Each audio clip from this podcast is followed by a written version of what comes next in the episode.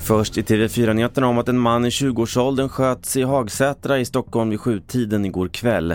Han träffades av två skott i överkroppen och fördes till sjukhus, men uppges inte ha livshotande skador. I Kanada saknar mer än en halv miljon hushåll längs östkusten ström efter orkanen Fionas framfart.